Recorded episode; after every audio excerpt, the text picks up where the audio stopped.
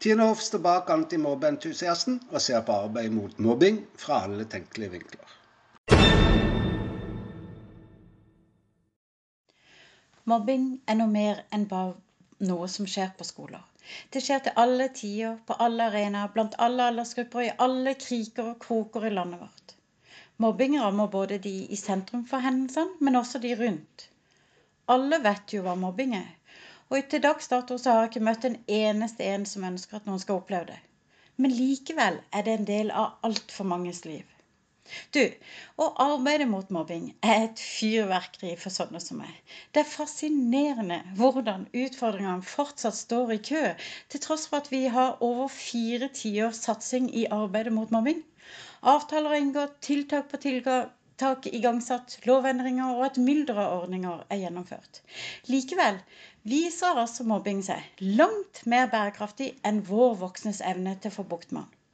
Helt ærlig, en skulle kunne forvente at vi i 2020 skulle klart å få bukt med utfordringene. Slik er det jo ikke. Det skyldes, tror jeg da, bl.a. at altfor mange blir så skråsikre på hva som skal til. Det hjelper ikke i et arbeid som er så prega av usikkerhet. Og hva blir egentlig resultatet? Jo, en rekke viktige personer som har stor betydning for antimobbearbeidet, synliggjør en svært variert forståelse. Eh, det er å si det forsiktig. Svært variert forståelse av utfordringene. Bare hør her. F.eks. vår statsminister har uttalt at høyere karakterkrav blant lærerne vil løse mobbeutfordringene. Hmm. Seniorrådgivere i Kunnskapsdepartementet fortalte meg at løsningen ligger hos pressen, altså media, i sin påpassrolle og ved å skrive om de verste sakene, skal få skolen til å løse sakene. Hmm. Trond Giske uttalte en gang at han ville stenge skoler med mye mobbing. Og Utdanningsdirektoratet satser på at disiplin og struktur vil løse alt. Å gi barna beskjed om at ikke mobbing skal skje, mente forrige barneombud skulle holde, mens dagens barneombud er særdeles tyst på temaet. Også foreldre gir uttrykk for et hav av meninger, men noen har altså ment at lærere og rektorer bør fengsles.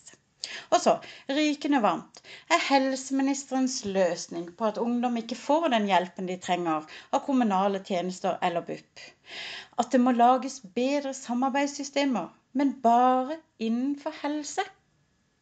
Jeg trekker fram disse eksemplene for å synliggjøre hvor lite det hjelper å være skråsikker i det usikre arbeidet mot mobbing. Det er ikke det barna og de unge trenger. Du lurer kanskje på hvorfor jeg sier at arbeidet er usikkert i seg sjøl. Jo, fordi det er så mye de voksne som er satt til å løse oppgaven i kjølvannet av mobbing, rett og slett ikke vet. Ikke vet de akkurat hva som har skjedd, f.eks. Ikke vet de hvor mange barn og unge som har vært direkte eller indirekte involvert. Ei heller vet de årsaken bak utøvelsen av mobbing. Og heller ikke konsekvensene barnet som har vært utsatt, vil få, osv. På den annen side er det usikkert hvordan de voksne som på hvert sitt område til daglig er sjef, men ingen av de på området de skal finne løsninger på. Hvordan reagerer de, og forholder de seg i samarbeidet de er satt til? Er det også skråsikkert? At det er mange misforståelser og myter om mobbesaker, er ikke så rart. For det er lag på lag av utfordringer, og det aller meste foregår under radaren. Det er skjult for alle andre enn de som står midt oppi det. Og det er på dette området jeg tenker at jeg kan bidra mest. Derfor har jeg også starta denne podkasten, for å forsøke starte ulike samtaler om mobbing, mobbesaker og antimobbesystemet i alle tenkelige vinkler. Det jeg kommer med, er imidlertid kun tips og innspill. Kun tips og innspill.